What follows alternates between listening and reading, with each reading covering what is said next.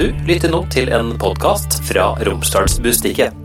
Hør på henne presenteres av DNB, din økonomiske rådgiver fra A til Å. For fem år siden var hun gående mann. Nå er hun sittende kvinne, i rullestol. Hun valgte tidlig å være åpen om sine to tilstander. Det har skapt både positive og negative reaksjoner.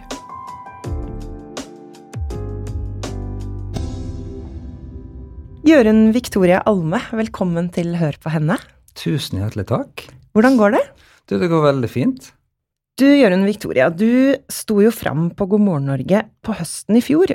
Der fortalte du om overgangen fra gående mann til kvinne i rullestol. Du har jo også fortalt om det hos oss i Romsdals Bustikke, men nå sto du fram på nasjonal TV. Mm. Hvorfor ønska du det? Du, det er vel på en måte bare kulminasjonen av en lang mediereise som starta, som du sier, i omsorgsbudstikket. Eh, og egentlig forløperen til det var jo at jeg, jeg innså at jeg måtte eh, leve mer i pakt med meg sjøl og ta tak i ting jeg hadde utfordringer med. Og på det tidspunktet så satt jeg jo som banksjef i Molde, eh, og det var en sånn klar forståelse av at når man skal fortelle verden, eller gå ut i verden og, og gjøre så store forandringer i livet sitt, så, så vil det bli snakka om. Og da tenkte jeg at det å fortelle og være åpen handler om å ta grep om å eie sin egen historie. Så det starta jo med at jeg sjøl la ut informasjon på Facebook, fortalte, begynte å fortelle historier der. Og så kjente jeg vel egentlig at når Bustikka ringte og hadde lyst til å skrive om det, så, så handla det for meg veldig om å ta bort rester av skam. Og hvis jeg sa nei til det, så ville det være veldig ut ifra denne skammen som jeg har slitt så veldig med. Uh, og så merka jeg jo når, når, det var unnagjort, og jeg fikk reaksjonene på det, så viste det seg at dette her betydde noe for andre også. Uh, at, det, at, det, var noe veldig positivt som kom ut av det. Og dermed så var det vel egentlig født en sånn liten uh, uh, informasjons-, kunnskapsspredningsgreie i meg. Der jeg ser at når jeg har mulighet til å spre informasjon og kunnskap, så har jeg lyst til å gjøre det. Og det har jo ført til ulike ting. Det har, det har gitt et oppslag i Allers, stort oppslag i Dagens Næringsliv, vi har vært i VG med en stor eh, VG pluss-artikkel. TV 2 kom på banen. Der ble det plutselig eh, TikTok-produksjon med Morten Rulle, og det ble en ny opptreden på TV 2. Nå før eh, påske så har jeg også laga podkast, og vi har laga TV-reportasje til Tyskland. Alt handler om informasjon. Og når du velger å stå frem da, i uh, ulike medier, hvilke reaksjoner er det som kommer i etterkant? Det kommer på hele skalaen.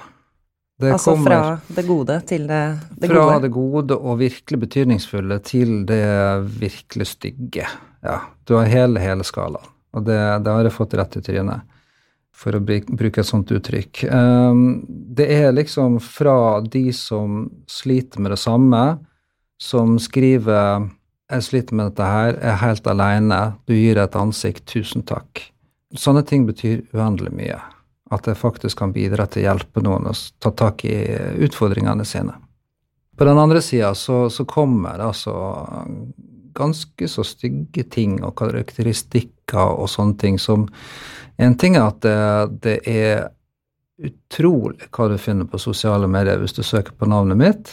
Eh, det prøver jeg ikke å gjøre så ofte. Men det er også de som prøver å invadere min personlige sfære med, med det for å få fram det budskapet. Og da er ikke det så hyggelig. Hvordan takler du det, altså de mest negative responsen? Det, det er krevende. Fordi at det er klart jeg forteller om veldig personlige ting. Og hvis de greier å, å si, treffe meg på det, så kan det være veldig sårt. Det jeg ser, er at det alt vesentligste handler om reaksjoner på en overskrift. Det handler om et narrativ som noen prøver å skape rundt det. Det er ting som ikke går på meg personlig, og da er det utrolig mye lettere å takle. De siste fem årene har jo vært en uh, enorm prosess for deg, med to transformasjoner, hvis mm. vi kan kalle det det, på, mm. på én gang. Fra mann til transkvinne, og fra funksjonsfrisk til å bruke rullestol. Og, hvordan har du opplevd det? Det har vært en uh, veldig krevende reise som personlig. Fordi at det, det har vært noe som jeg har fortrengt fryktelig sterkt. Uh, jeg har slitt med det hele livet. Jeg har uh, jobba hardt for å ikke måtte åpne opp om ting. Og så til slutt så greide jeg ikke å finne løsninger som, som jeg kunne opprettholde det med. Sånn at jeg var nødt til å ta tak i det og begynne å se på hva er det for noe, hvordan kan jeg løse det. Da ble det en reise i å jobbe med personlig aksept. Å ja, dette her er meg. Det er dette her som er meg, faktisk. Jeg, er sånn. og, og, det å liksom finne den aksepten og, og, så jobbes gjennom alle de knutene av skam som har vært der, som har, som har gjort at jeg har, har skjøvet alt i, til side og ikke vil ha sett på det. Uh, jeg har ikke innsett før jeg nærmer meg 50 år gammel at jeg er kvinne. Og det, det er ganske utrolig, men det, det, har vært så sterk skam og fortrengning, og det er så mye mekanismer som har fungert i forhold til å hele veien tilpasse seg forventningene som lå der. Så det har vært en voldsom, voldsom reise som personlig. Og én ting er jo det med at du har blitt kvinne, men dette med rullestolen vil jeg jo anta er det som får mest oppmerksomhet. Forstår du at folk syns det er eh, rart? Ja, det forstår jeg. Det er jo en veldig lite kjent diagnose. Det er, det er veldig lite informasjon rundt det. Og, og vi er jo sånn innretta at vi, vi, har en forståelse av verden rundt oss og når noe bryter med den forståelsen, så er vi nødt til å gå noen runder. Må, vi får uh, opp motforestillinger, vi får opp fordommer osv. Som, som spiller inn på hvordan vi møter det, og så må vi jobbe gjennom det. Det har vært krevende for meg, og det er selvfølgelig krevende for alle andre som ikke står oppi alt det utfordrende som jeg har bak meg. Og Det er derfor jeg syns det er så fint at du er her nå, for jeg lurer jo litt på den her diagnosen, eh, mm. som heter Body Dette må jeg lese. Integrity Dysphoria. Eh, forkortet til BID. Hva er det? Det er en diagnose som, eh, som eh, enkelt sagt handler om at man opplever å være i en inkongruens mellom hvordan kroppen er eller fungerer, og hvordan man opplever at den skulle vært. Og når man da er i en disharmoni eller inkongruens, da, så, så skaper det en voldsom støy og, og, symptomer som er vanskelig å håndtere. Det man forskningsmessig har kommet fram til, er at dette handler om en feilprogrammering i nevrologien eh, som skaper disse symptomene. Og hvilke symptomer er det man får? Eh, litt komplisert å sette ord på, men, men det handler om Uh, først og fremst et tankekjør. Jeg har brukt et bilde som, som flere andre også har brukt på det. det hvis du ser for deg en, en, datamaskin, så ligger det i den datamaskinen en prosessor som, uh, som behandler de ulike programvarene, ikke sant? BID er på en måte et sånn program som er aktivt i prosessoren, av den typen som som PC ofte har med at det, når du starter opp, så er det programvare der som starter opp automatisk og, og, ligger der og går uten at du er i berøring med det. Du har ikke noe med det å gjøre. Det er programmert automatisk, liksom. BIOS, eller hva man kaller det. Og biden ligger der, og du kan ikke starte eller stoppe den. Den, den ligger bare der som et program. Den kan slumre. Den kan være veldig i ro men den kan også blåse seg voldsomt opp og ta hele prosessorkapasiteten, alle skjermbilder du har oppe, og alt er bare bid. Eh, det stjeler alle ressurser. Sant? Og så vil det variere over tid, og med ulike triggere og sånne ting som kan sette det i gang, sånn at man, man har på en måte ikke kontroll over det. Det er noen mestringsmekanismer, men, men liksom, dette styrer du rett og slett ikke. Og hvor lenge har du hatt det, tror du? Har du noe erindring om ja, altså det, det, det, finnes uh, BID-symptom i mine aller uh, første minne, altså fra fire-fem års alder. Så finnes det BID-symptom i det. Så det har vært der hele veien. Har du noen sånne konkrete eksempler på uh, et, sånne minner? et eksempel er, som jeg har fortalt før, faktisk, det er fra tror det var andre klasse på barneskolen. Um, det begynte Eller det var en, en gutt som kom på, på skolen der da med skinner på beina og krykke. Uh, jeg er ikke sikker på hva som var årsaken til at han hadde det.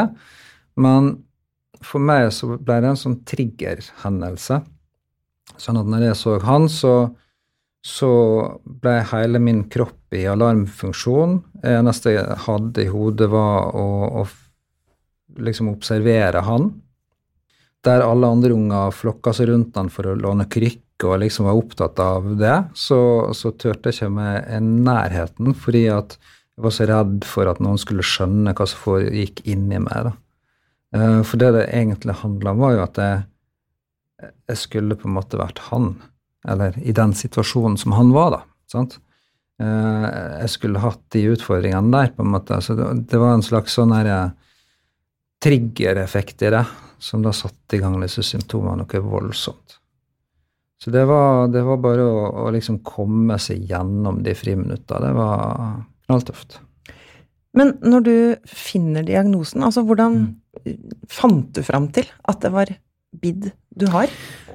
Det, det fant vi Jeg sier vi, for det, det var vel egentlig jeg og Agnes, kona mi, som eh, etter hvert fant ut sammen. Begynte etter hvert å innse at jeg var nødt til å finne ut av dette her, og, og fant informasjon på nett som etter hvert uh, leda oss til diagnosen og beskrivelse av den. Og det var Agnes som sa at du, det er jo det her. Og jeg var vel i en slags sånn fornektelse. Nei, nei. Litt sånn. Men, eh, men innså jo at det, det traff jo fullstendig. Så har jeg jo seinere vært uh, på en måte utreda online, faktisk, av et uh, tysk forskningsinstitutt som har gitt en, eh, en vurdering av uh, min bid. Og har en utredning fra min psykolog som også understøtter at det er riktig diagnose. da. Og, og hvordan kommer du fram til at det er rullestol som kan på en måte avhjelpe det du sliter med? Eh, det tok det vel en stund før jeg skjønte. Det her tankekjøret inneholder jo noe. ikke sant? Det inneholder tanker rundt hvordan det skulle vært. Og det handler om at beina ikke fungerer. Og så eh, trigges det jo av uh, f.eks. noen med, med krykke og skinne, eller av noen i rullestol, eller sånne ting. Det er triggere som skaper eh, aktivitet. Så, så man skjønner jo at det har med det å gjøre. På et tidspunkt, ca. fem år siden, så, så fant jeg en brukt rullestol på Finn som jeg kjøpte. Hadde ikke noen sånn klar formening om hva jeg skulle med den. på en måte. Jeg bare visste at det hadde med dette her å gjøre. Og det som da skjedde, var jo at det plutselig altså Når jeg satt med den, så, så skjedde det et eller annet eksistensielt. Ja, Agnes observerte og, og ser bare at her er det noe stort som skjer, egentlig. For da, det, det var som å komme hjem. Bare det var helt naturlig for meg å være i den situasjonen. Veldig rart. Men det som skjedde også, var jo at da, da opplevde jeg for første gang hvordan man kan ha det når man ikke har det kjøret i hodet. Plutselig så var det borte. Var det en lettelse, eller var det Ja, altså, fortvilelse, eller Det er mye rart på en gang, men, men ja, det er en lettelse å se at wow, sånn kan det faktisk være. Jeg kan få det så bra. Eh, samtidig som det er en voldsom sak å begynne å tenke at man skal være dette mennesket i offentlighet. Sant? Eh, så det, det tror jeg er veldig fort eh, liksom kjente at det, det, dette blir tøft. Og det som folk kan reagere på, eller som jeg har sett f.eks. at andre som sitter i rullestol da, av ulike Mm. grunner, f.eks. har en lammelse eller sånt, det er jo at du frivillig, i hermetegn, har satt deg Mm. i rullestol. Ja. Forstår du de reaksjonene? Eh, både ja og nei, og så, så er dette en veldig interessant diskusjon, fordi at eh, eh, Jeg har jo møtt Morten Rulle, som sitter i rullestol eh, fordi at han har en ryggmargskade. Og han tok jo kontakt umiddelbart etter TV 2-programmet. Vi var etterpå på TV2 sammen, og, og vi spilte i mellomtida der så hadde vi spilt inn en, en, en TikTok ble vel fire-fem videoer på TikTok som har vært sett av mange hundre tusen mennesker. Uh, vi hadde TV 2-nyhetene til stede når vi spilte inn sammen. Og, og han, han, gikk til verket med å spørre sine 200 000 følgere hva skal jeg utfordre Jørund Victoria med. Så, så, da fikk jeg liksom hele greia. Og, og, det var utrolig spennende samtaler med Morten Rulle. Veldig, veldig fint. Uh, vi fant uh, veldig ut av ting. Uh, men det handler for meg om å formidle hva det faktisk handler om. Ja, jeg skjønner at overskrifta 'setter seg frivillig i rullestol' kan provosere, men det handler jo også om å få formidla at det er faktisk en diagnose, det er en, en, utfordring som ligger bak, som gjør at min verden er mye bedre sånn som man er nå, enn sånn som man var.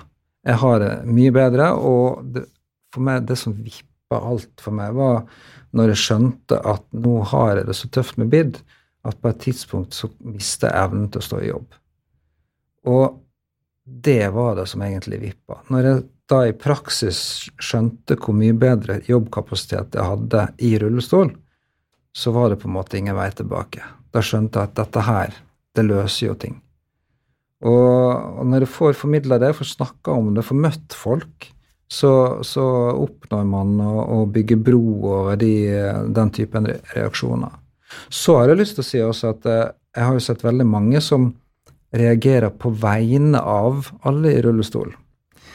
Jeg har møtt og snakka med og utveksla meldinger med ganske mange som er rullestolbrukere typisk ryggmargskade, men også andre diagnoser, som, som, er veldig støttende og fine, og som, som ser på sin rullestol som et viktig hjelpemiddel og skjønner at når man har en utfordring som kan løses med det, så unner man hverandre den rullestolen, på en måte.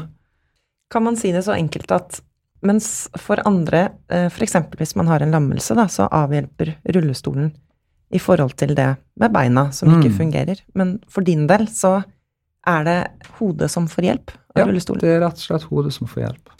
Og det er veldig vanskelig for oss å, å, sette oss inn i og forstå når vi ikke kjenner til det. Derf, derfor så, så, har jeg jo et behov for å fortelle historien min. Hei, jeg heter Ida og jobber som finansrådgiver i DNB Molde. Visste du at seks av ti spareavtaler i fond tilhører menn, og at menn har en bruttoformue som er 1216 milliarder høyere enn kvinner? Det tilsvarer et helt statsbudsjett.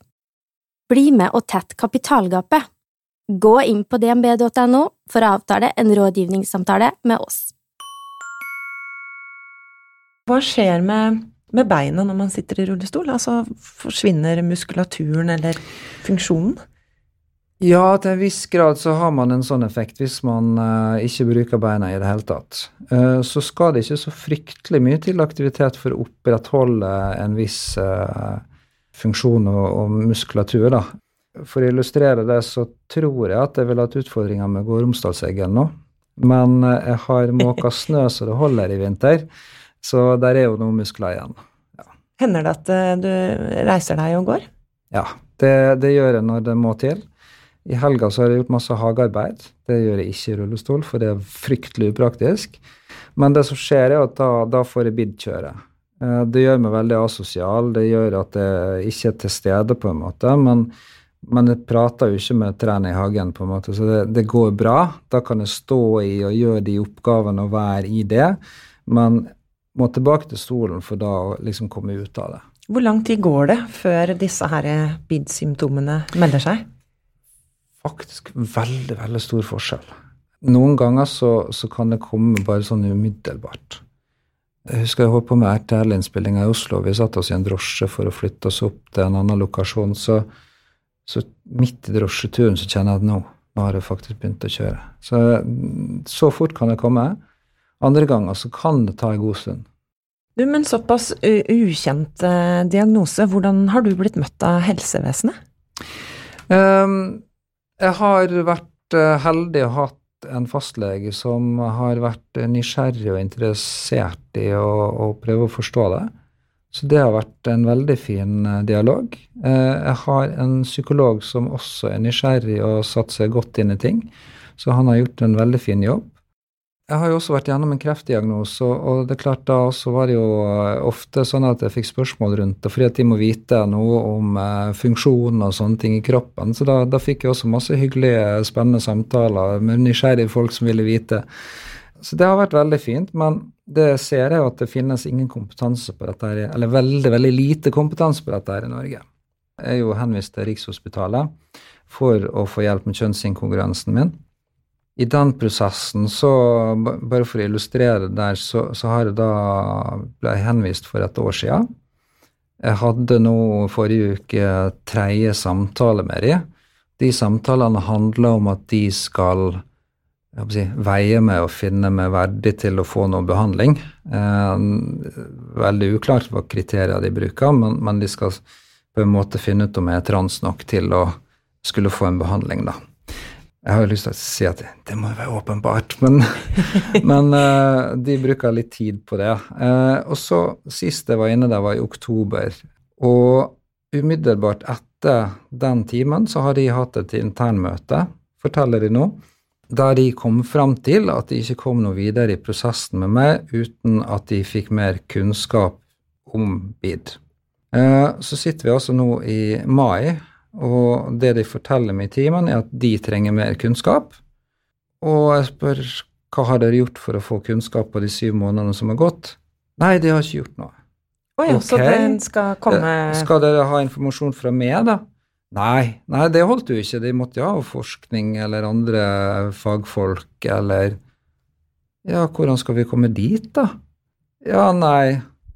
Så kunne jeg fortelle dem at i, i eh, TV 2 sin oppfølging av uh, TV-reportasjene så lagde de en lang artikkel hvor en norsk professor, professor Boje, var inne og fortalte om BID-diagnosen. Og da kommer det over bordet fra deg, vet du, at å, professor Boje, ja, hun sitter jo rett borti korridoren her. Da har de sittet i syv måneder og unnskyldt seg med at de trenger kompetanse, og så fins kompetansen rett borti korridoren. Det er også et møte med norsk helsevesen. Det skal vi komme litt tilbake ja. til, akkurat det med, med, ditt møte med Rikshospitalet og i forhold til det med kjønnsinkongruens. Mm. Men er BID mulig å medisinere? Det er ingen som har funnet noen måte å medisinere det på. Man har prøvd litt forskjellig. Man har prøvd ulike typer terapi. Ingen som har lyktes med å få tak i symptomer på BID. Det er klart Når man sliter med bil, så har man kanskje andre ting som angst og depresjon og sånne ting som blir følgekonsekvenser. Det får man jo hjelp til. sant?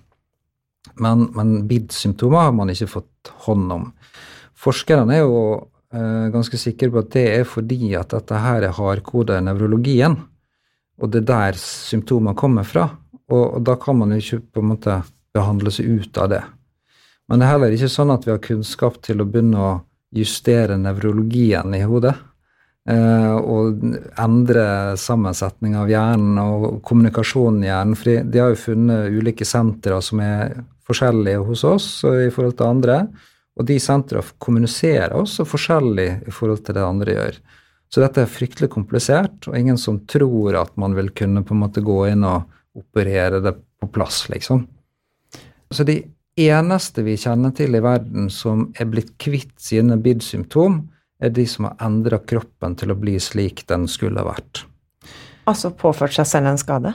Ja, eller fått en operasjon for å få det på plass. Hva slags type operasjon kan det være? Eh, BID har jo litt ulike varianter. Det er min type som handler om lammelser. Det er en annen variant som er kanskje mer vanlig, som handler om amputasjon. At deler av en fot eller arm eller sånn ikke skulle vært der det er fremmed i forhold til eh, nevrologien vår. Jeg har jo selv møtt også folk som er amputert, eh, som er fri for BID-symptom. Det er liksom den eneste kuren man har. Da, da finnes det vel eh, noen land hvor det går an å få kjøpt en sånn kirurgi, eller så, så handler det mye om sjølskading, dessverre. Uff. Ja. ja, kjente jeg ble litt Ja, det, det er ganske tøffe ting, altså. Ja. ja. Du sier jo at du er opptatt av å informere. Hvilke spørsmål er det du oftest får? Jeg tror det aller vanligste er nok eh, Får du rullestol av Nav? og, og, hvor, og, hva svarer du da? Ja.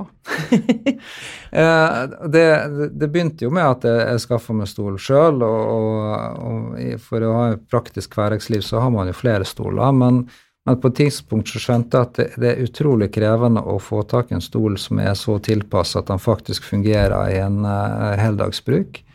Da, da, tok vi en diskusjon uh, med fastlegen og, og, psykologen, og så, så uh, formidla vi en søknad inn til Nav. og og det handler jo om å, at stolen er en løsning på å faktisk være i arbeid, og, og dermed så, så, har jeg egentlig god samvittighet for å ha søkt om det. Jeg fikk en stol som fungerer utrolig mye bedre enn det jeg greide å skaffe sjøl.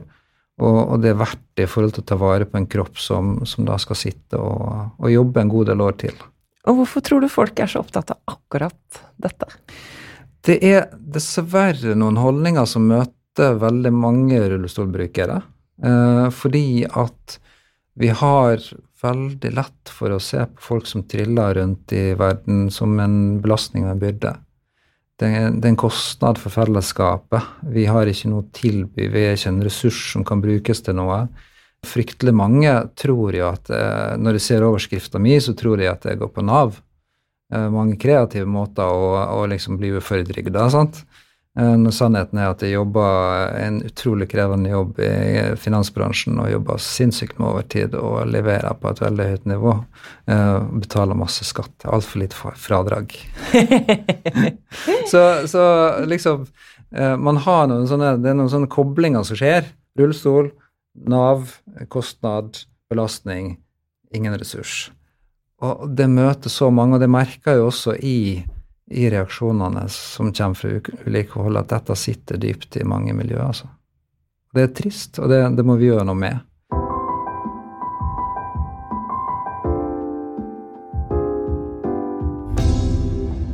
Jeg tenkte vi skulle snakke litt om eh, kjønnsidentitet. For eh, i motsetning til den uh, BID-diagnosen, som jo er litt ny og ukjent for folk, så har det jo vært mye oppmerksomhet rundt dette med kjønn. Altså, vi har jo eksempel fått programmer som Født i feil kropp, og kanskje mer aksept for at ja, vi blir jo født med et biologisk kjønn, men følelsen av kjønn kan være subjektiv. Og hvis mann og kvinne på en måte er ytterpunktene, så fins det mange variasjoner imellom dem, da. Er du enig i det, at det har blitt mer aksept og forståelse? Ja, samtidig som det er et komplisert bilde. Eh, jeg har en bestemt oppfatning av at den tause majoriteten er blitt mer aksepterende og kan mer, forstår mer og er mer inkluderende enn før. Men samtidig så er det en stadig økende motkraft. Eh, der det er sterke krefter som, som ønsker at transfolk ikke skal anerkjennes som noe reelt. Det har vi veldig tydelig i Norge, og man begynner å bli veldig lite beskjeden med å si det rett ut. Eh, det begynner å bli ganske stygt klima i det. Eh, vi ser i USA en masse lovgivning som kommer, um, som, som, tar bort rettigheter, grunnleggende menneskeretter for folk som er trans. Og, det er også en sånn voldsom debatt rundt pride og, og det rundt woke. Woke som egentlig bare handler om å, å ta bort hindringene for å være, seg sjøl, at alle får være seg sjøl og, og, leve normale liv. Og det ser ut på sosiale medier og i media ut som dette her er voldsomme krefter. Men hvis vi er tilbake til den tause majoriteten, da, så var det nettopp en undersøkelse fra USA som da sier at det, det er 1% av de som svarer, som syns det er problematisk med woke-bevegelsen, som nå blir veldig kritisert. 57% er dypt bekymra for antitranslovgivninga. Det er den tause majoriteten som ikke sier så mye.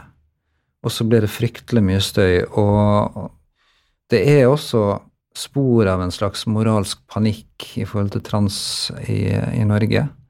Eh, hvor blir, behandlingstilbudet blir faktisk svekka gradvis måned for måned.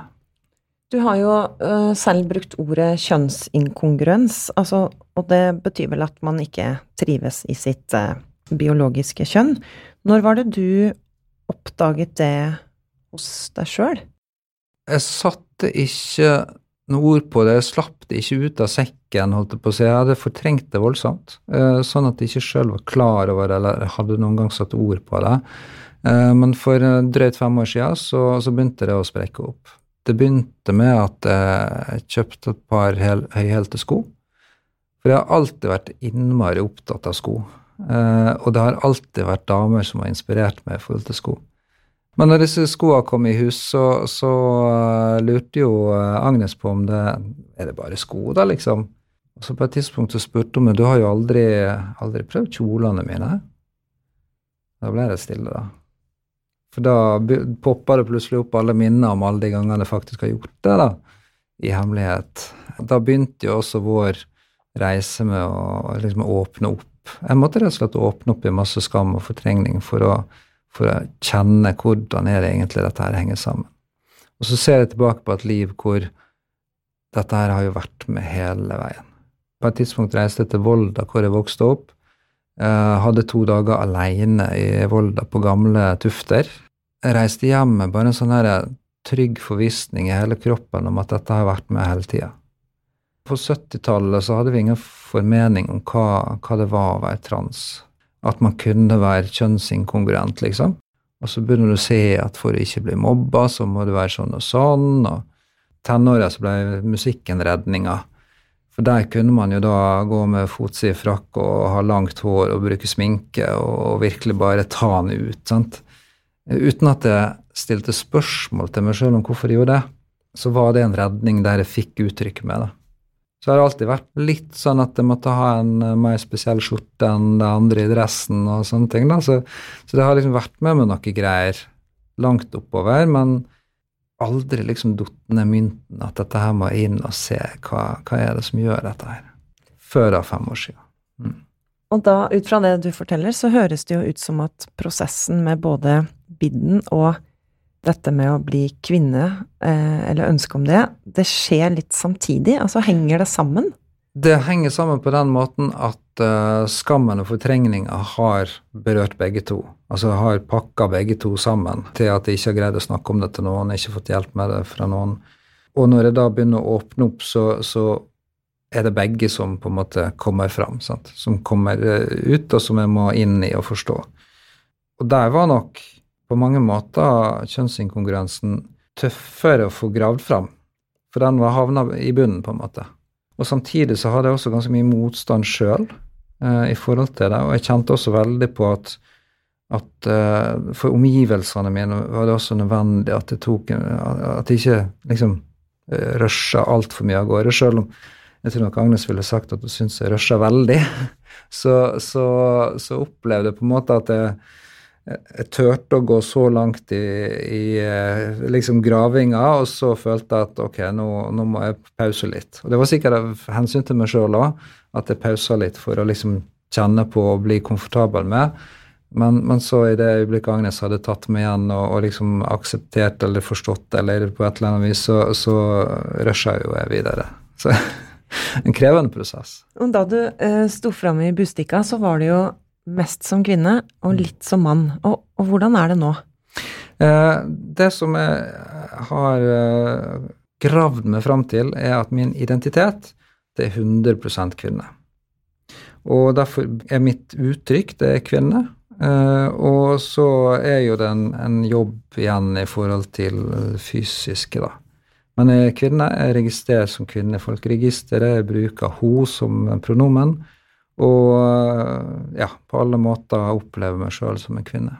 Bruker også andre eh, hun eller henne om deg, eller kan folk, fortsatt si han?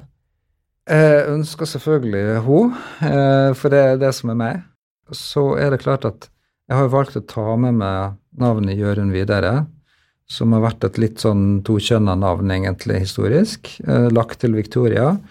Og så merker jeg at en del som har kjent meg gjennom et langt liv som han Jørund, syns det er vanskelig å snu om til hun Jørund. sant? Og, og, derfor er det en del som sliter litt med å, å liksom få det inn. Men det betyr ikke at de ikke aksepterer meg som den er. Så det, det har jeg veldig stor tålmodighet på. Skal Jørund få være med hele veien? Eh, jeg har kanskje jeg si, økt fokuset litt på Victoria. Eh, men eh, foreløpig så er det ikke noen plan om å ta bort Jørund. Eh, bak der så ligger jo en, en, litt sånn rar historie at når jeg var, var liten, så ble jeg en del mobba for navnet Gjøren, fordi at det var mange, mange som mente at det var et jentenavn. Så jeg ble mobba for å ha et jentenavn, og jeg forsvarte meg, tror jeg til og med slåss i forsvar for at jeg, da Jørund var greit å hete som gutt. så, så det, det, har jeg på en måte også med meg i historia mi, og syns på en måte er en litt morsom pek til den historia at det, da er Jørund kvinne.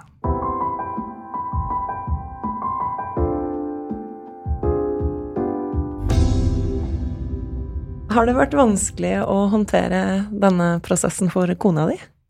Det har det definitivt. Ja. Og for barna dine? Ja, altså For du har to barn, ikke sant? To barn, to gutter. De uh, begynner å bli voksne og tar for seg av livet. Det som var veldig fint, var at de hadde begge hatt venner som hadde skifta kjønn. Så de hadde opplevd på nært hold den prosessen og helt sikkert uh, utfordringer rundt det hadde gått gjennom det sjøl i forhold til liksom, holdninger. Sånne, de, de, var jo langt framme i forhold til, til, min forståelse av ting når jeg begynte å komme ut. Så de, de, liksom Ja, men det heter sånn og sånn, da, vet du. Så de, de var superfine på det. Så tror jeg nok at det har krevd mer av de å, å håndtere BID-diagnosen. Overfor meg så har de gjort det veldig bra. Så har det nok sikkert krevd noe mer av uh, tenking og prosessering og, og sånn. Men de, de er helt superfine. Kaller de deg pappa eller far, eller det, navnet ditt? Det er litt forskjellig. De leker seg med mams. Uh, Agnes er mamma, definitivt. Leker seg litt med mams. Av og til sier de pappa, av og til sier de Jørund Victoria, og det, det, er litt forskjellig, da. Og, og, jeg sier jo at det er jo faren deres, for det er jo den rolla jeg har spilt i, i den skapelsesprosessen. så er jo det også. Du nevnte jo i stad at du var i en prosess med Rikshospitalet som, mm. som tar lang tid. Ja. Hva er det som skal skje? Eh, jeg har jo eh, blitt henvist til Rikshospitalet fordi det er de som skal eh, administrere behandling i utgangspunktet. Så har jo en vei, veileder for behandling av folk med kjønnsinkongruens og si at fastleger og andre kan starte opp hormonbehandling skal man ha kirurgi, så må man til Rikshospitalet. Så jeg venter jo på å bli avklart eller diagnostisert av de. Um, I mellomtida så har jeg heldigvis uh, fått starta opp en hormonbehandling. Så, sånn at min kropp er i, i, full fart med å tilpasse seg det. Hva er det som skjer da? Blant annet så vokser det pupper. Så jeg har en A-cup BH med litt polstring, det, men det er mine ekte pupper bak her. Ja, hvordan føles det? Ah, det er nydelig. Er rett og slett bare nydelig. Det, det er bare riktig. Sånn, sånn, skal det være. Så, men det andre det detter ikke av av seg sjøl, så det, det, er nå neste utfordring. Da. Og hvordan er det å skulle skifte kjønn altså sånn hele veien? Hvordan tenker du rundt det? Det handler jo om å komme helt på plass i seg sjøl. Det er først og fremst det det gjør, altså. Og når det tar tid, tenker du at det er riktig at det skal ta tid? Det skal ta tid. For min del så har jeg jo da min henvisning for et år siden til Rikshospitalet, den bygde på over 30 timer med psykolog spredd over tre år. Så jeg har brukt tid, og, og det skal man selvfølgelig gjøre. Du har jo vært gjennom to tøffe prosesser. Hva er det som er avgjørende for at du sitter her nå med rak rigg og virker veldig trygg i deg sjøl? Én ting har jo vært det å være åpen og, og fortelle helt åpent, ærlig og nakent om hvem jeg er, og hvorfor ting er sånn som det er. Det har vært en nøkkel for å finne en trygghet. I tillegg så, så må jeg bare si at det, det, har fryktelig mye med Agnes å gjøre. Uh, hun har vært helt fantastisk, og ikke på den måten at hun står der som noen sånn heiagjeng som jubler for alt som skjer. Hun har ropt, hun har skreket, hun har uh, banna og steika, og hun har spurt og utforska og bora og hatt motforestillinger og all den motstand du bare kan tenke deg. Og selvfølgelig også på sine egne vegne i forhold til hva som skal skje med oss som par osv. Men alt dette har gjort at vi har, vi har vært gjennom alt, vi. Altså det som kommer fra utsida. Det, vi har vært der, vi har gjort de tankene, vi har jobba oss gjennom det, og liksom Det, det står jeg trygt i. Har du på noe tidspunkt vært redd for at hun ikke skulle orke mer, og rett og slett gå fra deg? Selvfølgelig. Hun betyr alt, så, så det er oppi en sånn prosess en fryktelig, fryktelig skrekk. Uh, og det, jeg tror på en måte Det aller, aller, aller verste øyeblikket i denne prosessen her har vært når jeg har erkjent at her er det mer, her er noe jeg må komme fram med, og det jeg kommer med nå, det kan gjøre at hun går. Og det å da skulle ta den samtalen, det er så, så tøft. Det, det, tror jeg alle som har stått i en sånn situasjon, skjønner at det, det, det er rett og slett bare drittøft. Hva tenker du om at du nå er invitert til et eh, program som heter Hør på henne?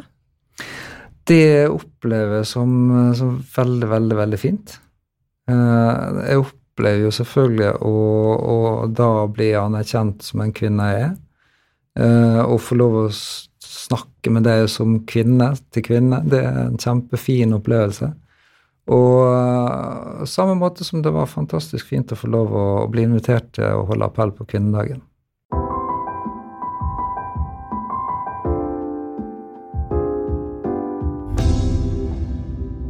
Kan du nå trille rundt i gatene i Molde med rak rygg?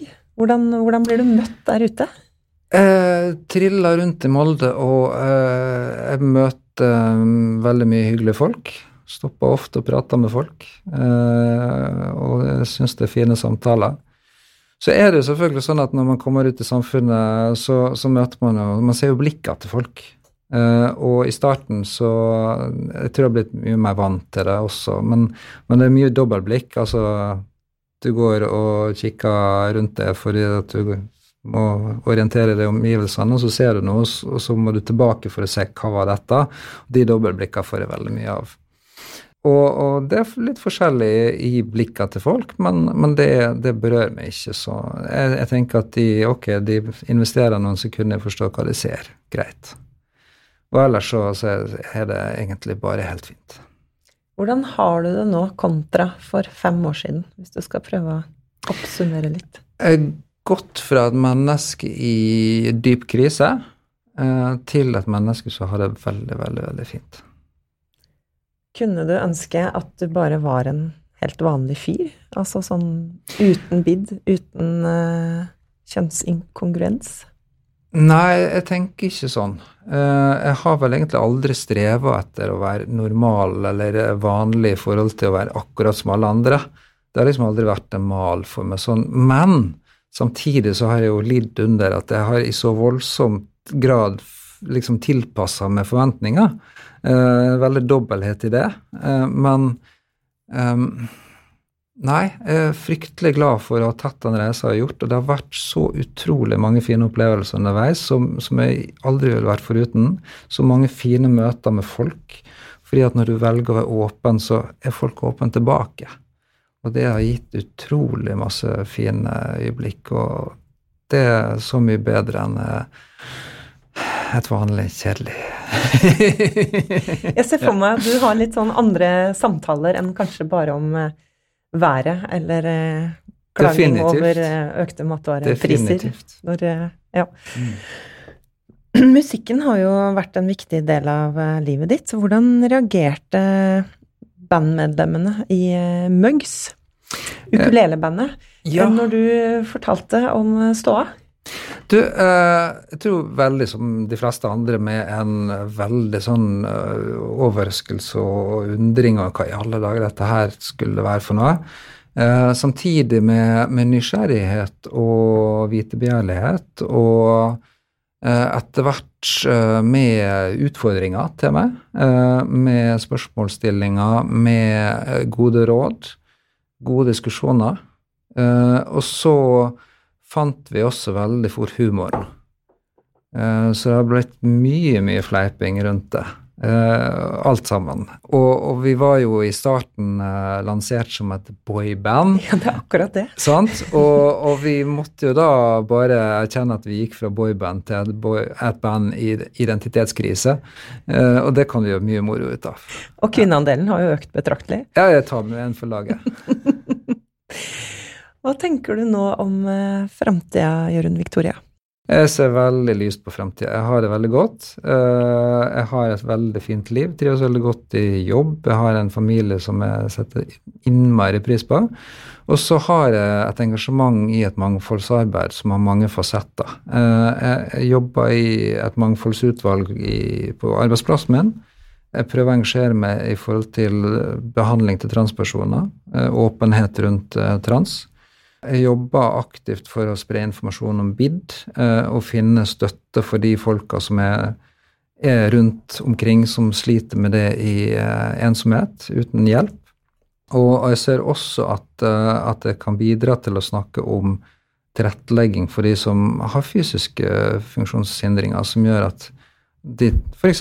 trenger rullestol, sånn som meg, at vi, vi, har mye å jobbe med også på det feltet. Men alt handler til syvende og sist egentlig om å bidra til å skape åpenhet for at hvert enkelt menneske kan få leve livet sånn som de er. Hva har livet lært deg så langt? Har du et råd som du vil gi videre til andre? Det er vel egentlig ganske nærliggende. Det, det, vi er veldig flinke til å lytte til omgivelsene og lytte til alle andre, tilpasse oss. Kanskje ikke alltid like flinke til å lytte til oss sjøl og vårt indre og våre behov. Så det handler om da ta tak i, følg dine behov, dine drømmer, dine ønsker, lev livet sånn som du er. Uttrykk deg sjøl, følg den drømmen, ta den sjansen på dine premisser. Hvilken kvinne ser du opp til? Der må jeg nevne Birgit Skarstein. Rett og slett fordi hun har vært en sånn foregangsfigur i forhold til å åpne opp øynene for at folk i rullestol også er ressurspersoner. Hun har tatt alt med positivitet og en fantastisk energi og et nydelig forbilde, syns jeg. Jørund Victoria, tusen takk for at du var gjest i Hør på henne. Tusen takk for meg. Hør på henne er laget av Romsdals Bustikke. Produsenter er Stian Viken og Hanne Fleischer. Mitt navn er Vera Henriksen. Har du ris, ros eller innspill til gjester? Send meg en e-post på hennealfakrøll-r-b.no. Følg oss også gjerne på Instagram, så håper jeg vi høres snart. Hør på henne presenteres av DNB, din økonomiske rådgiver fra A til Å.